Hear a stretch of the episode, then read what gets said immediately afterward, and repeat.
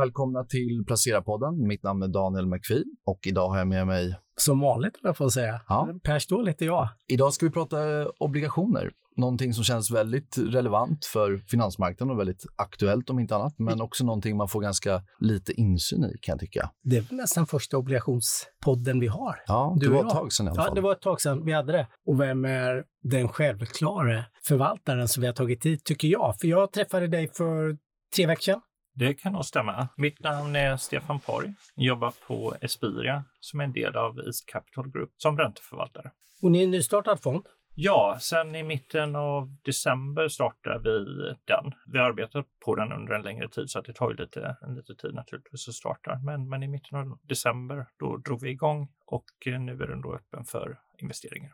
Vad har du för bakgrund? Har du förvaltat tidigare eller var kommer du ifrån? Ja, jag har förvaltat sedan innan finanskrisen, ungefär 2007 och har då förvaltat i East Capital-gruppen sedan 2019. Har förvaltningen varit fokus på räntor hela tiden Ja, eller var det ja, aktier? Ja, nej, bara räntor.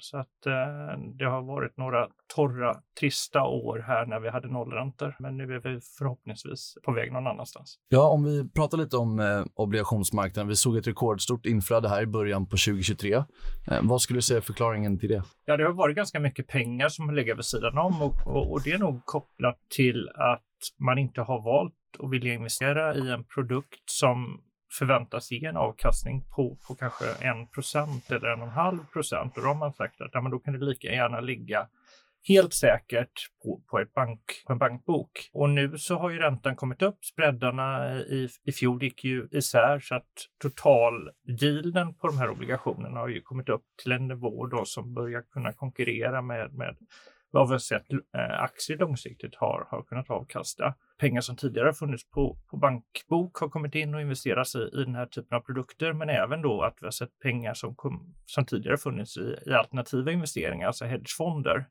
har kommit och man har sålt av det då för att investera i, i den här typen av produkter, alltså obligationsfonder eller att man köper då eh, själv obligationer. Och när du säger attraktiva spreadar, vad, vad innebär det i praktiken? Spreadar är ju någonting vad man kallar det, så här mean reverting. Du har en, en, det är ett kreditpåslag på, på en ränta. Så när du köper en helt säker obligation, säg en statsobligation, så har du i regel då inte ett kreditpåslag, men du får en, en, en ränta. Om du köper någonting med lite högre risk, som till exempel om vi låtsas att Volvo skulle ge ut Volvo Cars eller Volvo Treasure eller Volvo Finans eller någon, då skulle ge ut en obligation då skulle de få betala lite mer då än svenska staten. Och skillnaden då mellan vad de skulle betala och vad staten skulle betala är då det här kreditpåslaget. Och det här kreditpåslaget det rör sig eh, över tiden. Om, om du har en, en miljö som är gynnsam så brukar det gå ihop. Och i en miljö som är mindre gynnsam då så spreadar det isär. Och det innebär att om du köper en obligation då som har en kreditspread som är bredare än normalt i ett läge där också räntan är högre än normalt så blir total, den totala yielden på den här obligationen, den blir då spreaden plus, plus den här räntan. Och nu som vi pratar eh, om de obligationer som finns i, i svensk marknad så ser vi en, en yield då från, från 3,5 till över 10 procent, alltså 3,5 kanske till 15 procent beroende på om du tittar på de riktigt säkra obligationerna eller de obligationer där det finns en, en hög kreditrisk. Och när man pratar säkra investeringar, jag vet, man pratar ju ofta om att fastighetsbolagen är stora på obligationsmarknaden. Det är kanske just inte något som man klassar som de säkra delarna i det här klimatet. Men vad, vad är det för bolag förutom fastighetsbolagen vi ser i obligationsmarknaden som du skulle klassa som mer säkra och, och vad pratar vi ungefär om för räntor? De, de största eh, emittenterna i Sverige, det är ju bankerna och de är ju de är ju säkra och sen så finns det olika sätt att, att mäta det här. Du har ju kreditvärderingsinstitut som ratear olika delar av, av skulder så att eh, banker har ju, de emitterar olika typer av skuld till exempel. Alltifrån då säkrade bostadsobligationer som, som då har den högsta ratingen, AAA. Och sen så har de, så kan, eh, så emitterar de annan typ av skuld också ända ner till det här additional tier 1-kapital då som... som eh, Var, var det där som Credit Suisse Precis, ah, precis, hade där precis. man har, där obligationsägarna har tappat eh, 17 miljarder schweizerfranc eller något dylikt? Ja, Ja, så man skrev ju ner den till noll då och det är ju någonting som, som eh, tog många på sängen bara för att just Schweiz, tillsynsmyndigheten där, i, det ligger inte i EU. Så de hanterar det på ett lite annorlunda sätt än vad vi skulle gjort om, om, det, om det skulle vara en, en normal liksom, EU-bank som, som skulle få svårigheter i, i, i en bankrun. Har, det påverkat synen på eh, obligationsfonder? Känner du att du har fått samtal att folk eh, undrar hur mycket AT1 du har i din fond eller har det gjort att spreadarna har blivit större? Spreadarna har ju gått isär mm. eh, då på, på de här AT1 jämfört med, med innan, innan eh, Credit Suisse eller Silicon Valley Bank för den, för den delen även i Norden. Sen så har de inte gått isär lika mycket i Norden som de har gjort i kontinentaleuropa, eh, även på det här tillgångslaget.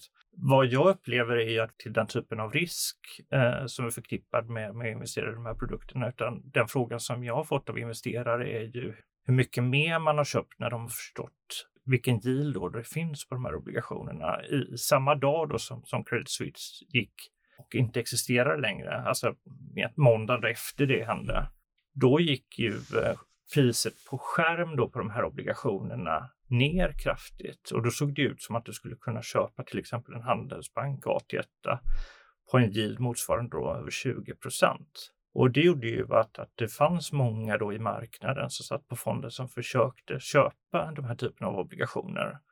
Och det, man fick inte tag i någonting. Och jag har hört att det var någon som sa att totalt sett klerades det 500 000 dollar på den här nivån på hela marknaden då. Så att det gick ju ner snabbt och sen så gick det upp snabbt också. Ja, det där måste vara en fraktion. Alltså, ja, ja, alltså det, det, det, måste vara icke-pengar i princip. Ja, det är icke-pengar. Mm. Jag menar en normal eh, emissionsvolym då för en sån här dollar 81 ligger väl ungefär på 500 miljoner dollar. Så att, så att om, om då 500 000 dollar omsätts i hela marknaden på alla A1 i Norden, då är det ju naturligtvis jätte, jättelite. Sen så vet jag inte om det var exakt 500 000. Men vi försökte ju köpa precis som, som många andra då, utan att få på oss eh, någonting då på den nivån. Men har du mycket banker och fastigheter som Daniel är inne på? För det är ju det är mycket fastighetsprat i Sverige, även internationellt. När man läser stor eh, finanspress utomlands så är det ju mycket om Eh, commercial real estate och hela det här. Det pratas mycket om det i USA och även i Europa då, att det, det, det är tuff, en tuff sektor nu när räntorna har stigit så pass kraftigt på kort tid. Då. Ja, det är väl det som egentligen är, är nyckeln här. För det första, då, vi har inte mycket fastighetsexponering. Vi har valt att, att i princip inte ha någonting alls där. Vi investerar bara selektivt då i, i vissa typer av obligationer utgivna av fastighetsbolag. Och, och, det är väl lite av, av just, just det, det skälet som du säger. Vi har ju en del av våra investerare ligger ju utanför Norden som investerar in i den här fonden till exempel. Då. Så, så att det blir ju lättare för oss att sälja in att vi har en mindre fastighetsexponering. Men sen så har vi liksom rent fundamentala faktorer som talar mot att vi egentligen ska ha en stor fastighetsexponering och den utgör då 40 procent av svensk eh, obligationsmarknad när vi pratar industribolag då, alltså väljer bort banker. Och vilket är en oerhört stor del. Eh, operativt så har det ju fungerat väldigt bra för dem eh, än så länge. Vi tror ju att, att det eventuellt kommer att kunna gå sämre för, för en del av de här bolagen. Vi tror att vi kommer få se vakanser till exempel och, och i förra veckan tror jag vi hörde att, att Stadium sa upp alla sina hyresavtal. Och det är ju kopplat till att, att den här hyreshöjningen ofta följer inflationen och så fick vi ju, jag menar som, som alla vet, hade vi en hög inflation i, fjol och då fick vi hyreshöjningar på nästan 10 procent. Och, och, och, det kommer då i en marknad där, där vi har en vikande hushållskonsumtion och det, det är klart att det är ett recept för, eh, på disaster för en del av de här bolag som, som hyr i de här fastigheterna. Så vi underviktar helt enkelt då för att vi tycker inte att visibiliteten är tillräckligt hög.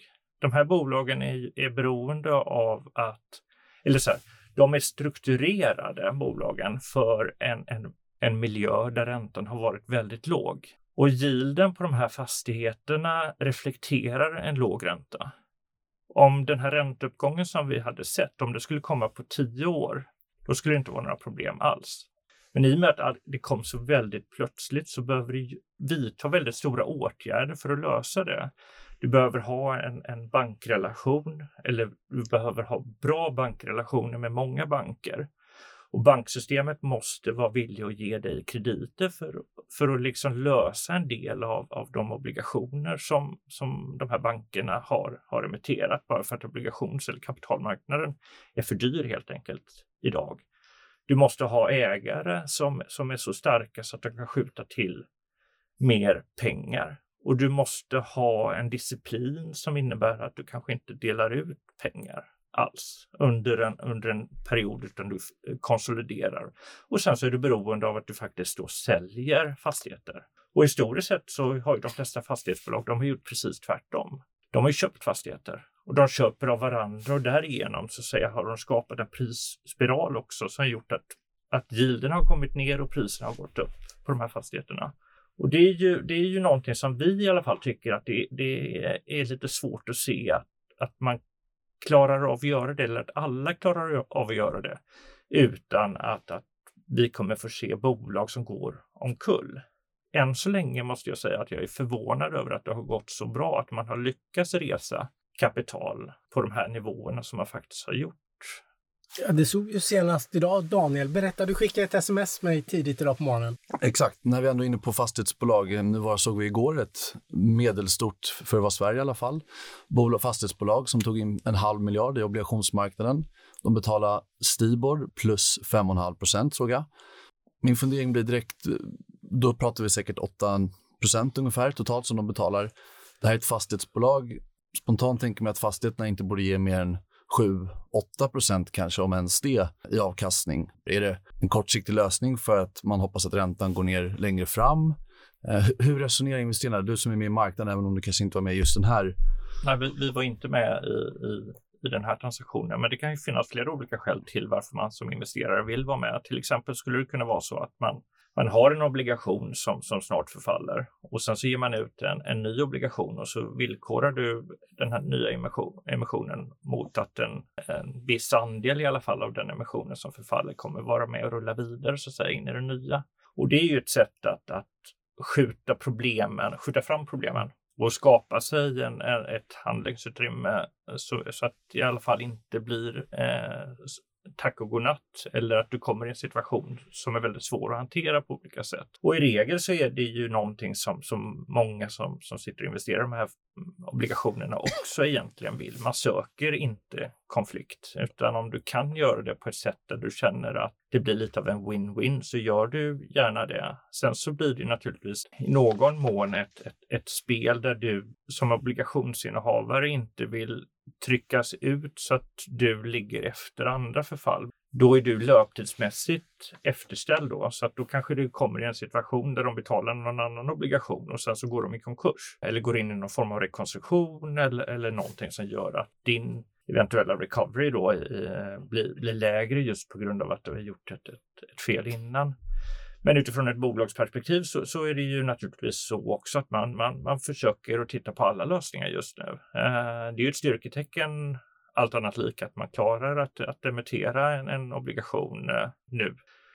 Sen så eh, tittar jag inte på, på, på just den här mer än att jag såg att, att, att den genomfördes och, och, det är en ganska liten del. Men jag tror också att yielden på de här fastigheterna, du nämnde 7-8 procent eller någonting. Jag tror att den är betydligt lägre. Det är olika då på olika fastighetstyper, men, men jag menar om vi tittar på kontor i, i CBD, alltså i, i, centrala Stockholm eller Göteborg, så pratar vi nog med yielder som ligger under en bra bit under 4% Så att du har yielder som kanske ligger under vad du skulle kunna investera i, i princip riskfritt då. Är det problematiskt? Ja, det är det naturligtvis här, här och nu.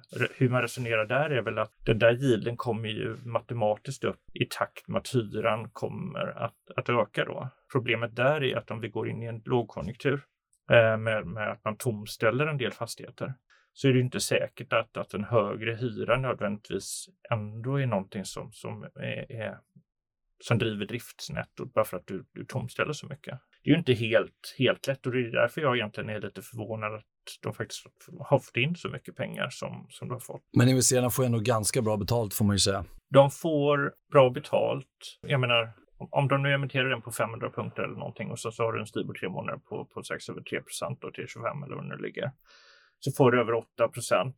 Men vi har ju alltid som obligationsinvesterare, vi, vi är ju kappare på uppsidan. Vi får de här kupongerna och sen så får vi tillbaks det beloppet som vi har lånat ut i någon mån. Men vi har ju en nästan full nedsida. Så att om bolaget går i konkurs så, så kommer vi, idag har vi fortfarande en fordran på bo, bolaget. Men eh, om vi tar fastighetsbolag till exempel så har ju alla fastighetsbolag i princip har ju bankskuld i botten. Och bankskulderna har ju en, en de, har, de har ju pansrat fastigheten eh, för att få bank, bankutlåningen. Och det gör ju att, att bankerna sitter i princip på, på en stor del av de fastigheterna som, som de här fastighetsbolagen har. Vi sitter ju strukturellt efterställt i någon form av hållstruktur då i, i eh, sam, samma del av, av bolaget som emitterar aktierna då. Så de enda som egentligen ligger efter oss i ranking är ju aktiekapitalet och det är vår enda buffert så att säga. När aktiekapitalet går ner till noll, då börjar du att eh, ta förluster på, på obligationssidan. Men just nu, jag menar om du räknar baklänges, värderingarna hålls uppe för, förhållandevis mycket då, men om du skulle titta på vad aktien handlar och så räkna baklänges vad värderingen då, om, om det nu är rätt, vad, vad den skulle vara, så ska ju värderingarna ner ganska markant. Och om du säger att det på något vis är sanningen och så tittar du på, på hur mycket bankskuld som finns på varje de, eh, på de här fastighetsbolagen så blir det ju ändå svårt för oss eh, att, att få tillbaks alla pengar, även om de lyckas betala några kuponger. Så att, så att jag tror man måste se det längre än att bara titta på här, nästa kupong. Du kan få 7-8 procent eller någonting i, i år och du kanske kan få det nästa år också. Problemet för de här fastighetsbolagen är ju att i mångt och mycket så, så har de löst finansieringsfrågan i år och nästa år. Men det är sen som blir, som blir det stora frågetecknet. Och om räntan fortfarande kommer vara så här hög i en miljö där bankerna eh, antagligen kommer vara restriktivare än vad de har varit historiskt med sin, med sin nyutlåning. Då kan man ju få se problem. Jag menar bankerna kan ställa krav på, på fastighetsbolag till exempel och säga Nej, men vi vill gärna se att, att ni committar också om ni vill ha lån. Vi vill att ni ska skjuta in mer eget kapital till exempel och så vidare. Då. De gör ju sina egna värderingar av fastigheterna som inte liksom baseras på bokföringen från de här fastighetsbolagen. Jag säger inte att det behöver bli så eh, och jag hoppas det inte behöver bli så. Men för oss är det mer av, vi, vi tycker det är för mycket av att gissa eller att det, att det blir mer av en lottsedel för många av de här bolagen, inte alla. Och därför väljer vi att, att egentligen då mer avvakta och se. Och det finns också ett annat skäl som jag tror kanske är ännu bättre. För att om vi säger att fastighetsmarknaden är 40% av hela de här industribolagen. Vi vet att fastighetsbolagen inte kommer att vara lika aktiva emittenter i kapitalmarknaden som de varit historiskt. Så de här 40 procenten kommer bli mindre. Och vi vet att bank, eller vi vet inte, men vi kan, vi kan prognostisera att bankerna kommer vara lite mer restriktiva när det kommer till nyutlåning. De kommer bygga CET 1 istället då, alltså då bygger balansräkningar som blir ännu starkare än vad de redan är då. Och det innebär att bankerna kanske inte heller har samma behov av att låna ut. Och det ser vi också i och med att huspriserna då har stannat av och kanske är på väg lite ner då har de inte heller samma behov av att låna för att, så att säga, låna ut då till, till husägare. Så att bankerna som, som kollektiv kommer inte behöva låna lite, lika mycket pengar. Fastighetsbolagen kommer inte behöva låna lika mycket pengar för att de inte har råd att låna lika mycket pengar på kapitalmarknaden. Samtidigt som vi har ett inflöde då, strukturellt i den här sektorn kopplat till att räntan har gått upp och spreadarna har gått upp så att det ser väldigt attraktivt ut för, för investerare att gå in här. Det gör ju att, att det finns vissa bolag som vi då ser som relativa vinnare om vi tittar framåt.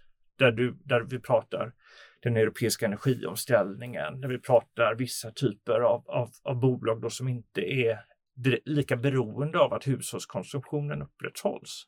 Och det är där vi försöker positionera oss nu. Bara för att det är där vi tror att det kommer allokeras mycket pengar. Kanske inte i morgon eller om en vecka, men strukturellt de kommande åren. Om vi redan har positioner där så kommer vi få ganska mycket vind i seglen och de kommer prisas om, de här typerna av obligationerna, på ett positivt sätt för oss. Då. Och det är där vi försöker hitta värde. Hur ser fonden ut? Hur mycket innehav har ni? För ni har, ni har ganska stora, reflekterar jag på för att vara en obligationsfond, ganska stora bett eller vikter i vissa av e-, era papper. Ibland ser man obligationsfonder där det finns 200 obligationer och det blir en halv procent i varje i princip om man ska hårdra det lite.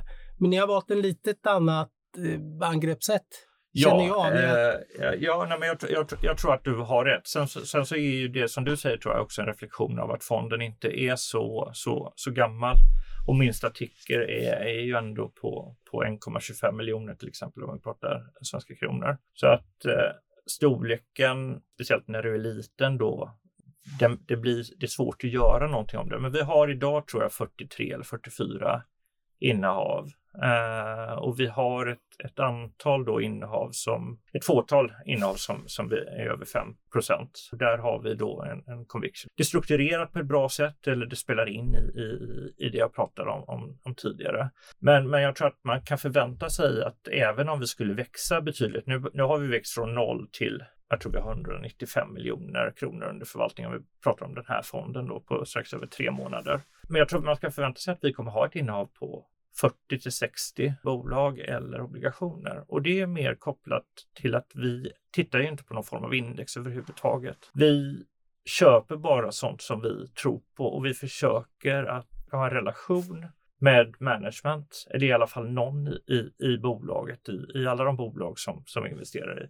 Vi vill kunna ta upp telefonen och säga så här att nu, nu är det jag igen hur går det med det här som vi diskuterade förra gången? Är det någonting som har hänt? Och ibland så har, får vi ha respekt för att de inte kan prata. Men många gånger så, så är det information då som, som eh, egentligen då de, de kan släppa hur som helst och det är kanske inte marknadspåverkande överhuvudtaget. Men det är ändå någonting som man bygger eh, komfort, bygger relation, du, bygg, du förstår varför de gör saker och ting på, på ett visst sätt. Och om vi skulle gå från någonstans mellan 40 och 60 innehav då skulle det helt enkelt bli, bli, bli för svårt. Vi skulle inte klara av att göra samma typ av jobb tillräckligt bra vi, vi, kommer aldrig vara så indexnära där vi handlar en, jag menar 100 eller 300 bolag och bara ta liksom över eller undervikter i förhållande till, till någon form av index, utan allting som vi har i, i vår portfölj är sånt som vi ska stå för, som vi tycker är bra, som vi själva skulle köpa om vi skulle ha pengarna. Nu har vi ju ofta inte den typen av, av ekonomiska resurser, så vi får investera i våra egna fonder istället då. Men, men det, det, är så vi tänker och det är så vi också pratar internt om det och också det, det är en av anledningen till varför i princip alla som jobbar på, på East Capital-gruppen investerar i den här fonden. Om vi pratar lite om andrahandsmarknaden, det är en sån marknad som man har lite svårt att få inblick i. Hur fungerar den idag? Hur aktiva är ni på andrahandsmarknaden? Är det så att ni både köper och säljer eller när ni tar en obligation, är det så att är målsättningen att hålla den hela vägen till maturity som man säger? Eller? Målsättningen är alltid, eller varje köp är precis som du säger, då, då, då vi, vi tradar inga obligationer utan vi köper alla obligationer eh, för att eh, i utgångsläget hålla dem till, till förfall eller till kol. Med det sagt så, så säljer vi obligationer också. Nu växer ju den här fonden så att vi har inte behövt att göra det i, i någon större utsträckning överhuvudtaget då, utan vad vi har gjort är, är egentligen sätta inflödet i, i, i arbete genom att köpa obligationer och, och därigenom då bygga en, en profil som vi långsiktigt då ser, ser som väldigt positiv. Andrahandsmarknaden fungerar bra. Det är den som egentligen eh, har varit öppen under mars månad och vi har ju ändå vuxit med i princip 100% i fonden under, under mars, eh, under det här stöket. Och det är då där ni köper när ni får in likviditet i fonden, Precis. det är på andrahandsmarknaden? Ja, varför primärmarknaden har varit, den har inte varit stängd då, men, men den, vi har inte sett att den typen av bolag som vi söker till de nivåerna eller de priserna som vi vill ha eller eh, att de har den strukturen på obligationen som vi, som vi gillar. De har vi inte sett i primärmarknaden så att vi har bara handlat eh, obligationer i, i, i sekundärmarknaden i mars. Och vad pratar vi om för räntor då? Nu förstår jag att det skiljer sig väldigt mycket för vad det är för typ av bolag, men om något som du tycker är attraktivt, har du något exempel på det? Ja, Open Infra till exempel, bolag som är, är privat, det går inte att köpa aktien där. De äger bredbandsfiber, last mile, alltså in till, till, till fastigheten. Eh, det är en säkerställd obligation där du har, eh, där panten då är själva det här bredbandsnätet som ligger i, i backen. Eh, de bygg, bygger, förutom i Täby kommun, så bygger de ofta i glesbygdskommuner där utbyggnaden av, av 5G och så vidare då av förklarliga skäl då inte har kommit igång. Och, och, vi har sett transaktioner när till exempel Telenor eh, sålde sin bredband som, som, som då låg i marken i, i, eh, i Norge som gör att vi får en komfort på vad värdet på de här bredbandsnäten skulle kunna vara och då är det ungefär täckt två gånger. Så att även i händelse av konkurs så räknar vi med att vi får tillbaks då 100 av, av det beloppet vi investerar. Och just nu finns det ingenting som pekar på det, snarast tvärtom då, utan de, du får ju bidrag för att bygga ut den typen av infrastruktur bara för att vi vill ju faktiskt att, att hela Sverige ska leva. Så det känns ju som att, att vi både gör någonting bra genom att investera i sånt här typ av bolag då och, och tjäna pengar samtidigt för att du, du får en, en yield då till 2025 på, på över 8% per år där risken då är väldigt, väldigt begränsad. Och varför, om man ska fundera sig, varför använder de er om de betalar sådana priser så att säga? Får, använder de banker också då eller? De, var, de kom från bank eh, från början. Sen så vill nog banker i regel att du ska amortera på den här typen av eh, facilitet och det vill de av naturliga skäl då inte göra utan de vill använda det för att fortsätta då bygga ut. Och grävverksamheten då finns i ett annat bolag för att vara helt så att det finns egentligen ingen exploateringsrisk då i, i det här Open Infra heller. Men genom att eh, låna på kapitalmarknaden så slipper de en del av de eh, kovenanter, alltså de, de delarna av lånevillkoren som egentligen då innebär att de, blir, de kan inte investera på det viset som de skulle vilja. Där amortering då sannolikt är, är en. Sen så är det ju billigare för dem, alltså i, i, i ränta. Men ränta plus amortering så blir det dyrare i banksystemet. Och sen så finns det kanske en del andra krav då eh, som inte är, är, publika i de här bankavtalen. Men vi räknar ju med att eh, att det skulle kunna vara så att de går tillbaks till banksystemet om det skulle vara svårt för dem att, att få en refinansiering av, av den här obligationen när de förfaller då 2025 till bättre villkor när, när vi, när vi talar, eh, talar bara räntor då, vad de har idag på kapitalmarknaden. Om vi ska prata lite framtid. Det är uppenbarligen väldigt svårt att prognostisera räntor eh, och räntemarknaden. Men om du bara tänker lite framåt här. Vad är din bild? Vad, vad kommer hända med räntemarknaden och vad, vad, ser du framför dig? Vad är det du tittar på? Vi tittar ju på, på eh, kreditobligationer. Jag, jag tror ju att det är en del bolag som kommer få, få problem. Jag tror fastighetssektorn, kommer, som vi var inne på tidigare, kommer bli mindre. Eh, jag tror att en del bolag som vi har sett i obligationsmarknaden inte kommer att, att passa in. Jag tror att en del mindre bolag kommer söka sig till bankfinansiering om, om de kan. Jag tror vi kommer få se mer av, av det vi har sett i,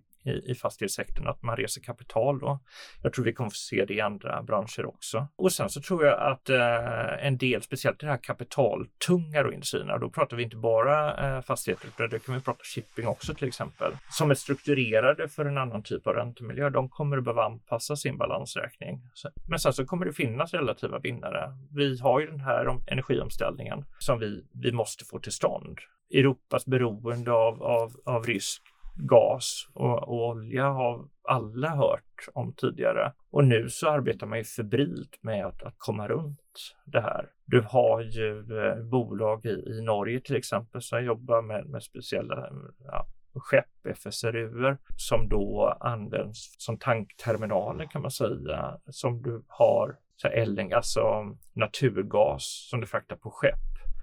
Och sen så dockar du mot de här större skeppen och, så gör, och det är flytande när det ligger då, alltså minus 270 grader nästan. Eh, och sen så dockar du in det till den här FSRUn och sen så blir det då där och så tar det till, från flytande form till, till gas igen och så skickar du ut det då i, i gasnätet. Och där har vi ju till exempel Tyskland och Italien som är väldigt beroende av det och det är världens största eh, FSRU-leverantör då finns, finns, eller som äger flest skepp, finns i, i, i Norge i form av ett bolag som heter Hög till exempel. Nu investerar inte vi i, i det av, av ESG-skäl då, men det är ändå den typen av, av bolag. Vi pratar vindkraftsparker, vi pratar solceller. Vi pratar om beroendet, då kommer vi in i beroendet av, av, av Kina. Om vi pratar sol, solceller till exempel. I princip alla solceller tillverkas i Kina, men det är av en teknik som egentligen är, är ganska miljöfarlig. Den är tunga solceller, det tillverkar glas och det krävs mycket energi.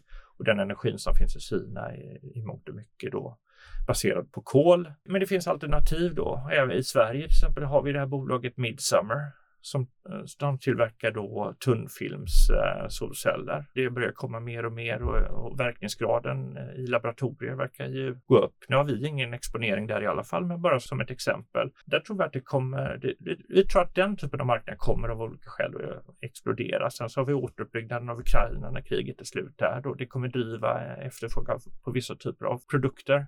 Och där står ju Sverige och Norden väldigt väl rustade för att kunna möta det. Jag menar hela den industristrukturen som vi har i Sverige. Vi säljer inte så mycket om vi tittar på, på Norden mot konsument. Vi säljer till andra företag som i sin tur säljer till konsument. Det innebär ju att när det kommer till någon form av återuppbyggnad eller infrastrukturprojekt och så vidare så har vi ju väldigt mycket know-how och kunskap och möjligheter att sälja härifrån. Och det kommer till telekom till exempel. Det, det är också någonting som antagligen då inte kommer drabbas lika hårt i en eventuellt då framtida nedgång i ekonomisk aktivitet. Så det finns ju en, en hel del sektorer som, som är, är intressanta. Men du Stefan, det låter som obligationsmarknaden eller sektorerna på obligationsmarknaden kommer se annorlunda ut på några års sikt. Bankerna kommer vara mindre, fastighetsbolagen kommer att behöva lite mindre kapital och energiomställningen, vilket jag också tror, eh, det kommer det behövas massivt. Eh, och det är inte bara staterna som kan skjuta in de pengarna. Men jag, jag tänkte på en annan sak. Ni startade fonden nu sent på hösten. Du sa att ni var igång långt innan det och började planera. Ränteuppgången började ju faktiskt för, det är knappt ett år sedan, eller runt ett år sedan får man väl säga. Hur har det påverkat portföljen och lite synen? Fattar ni andra beslut eller tittar ni på något annat idag?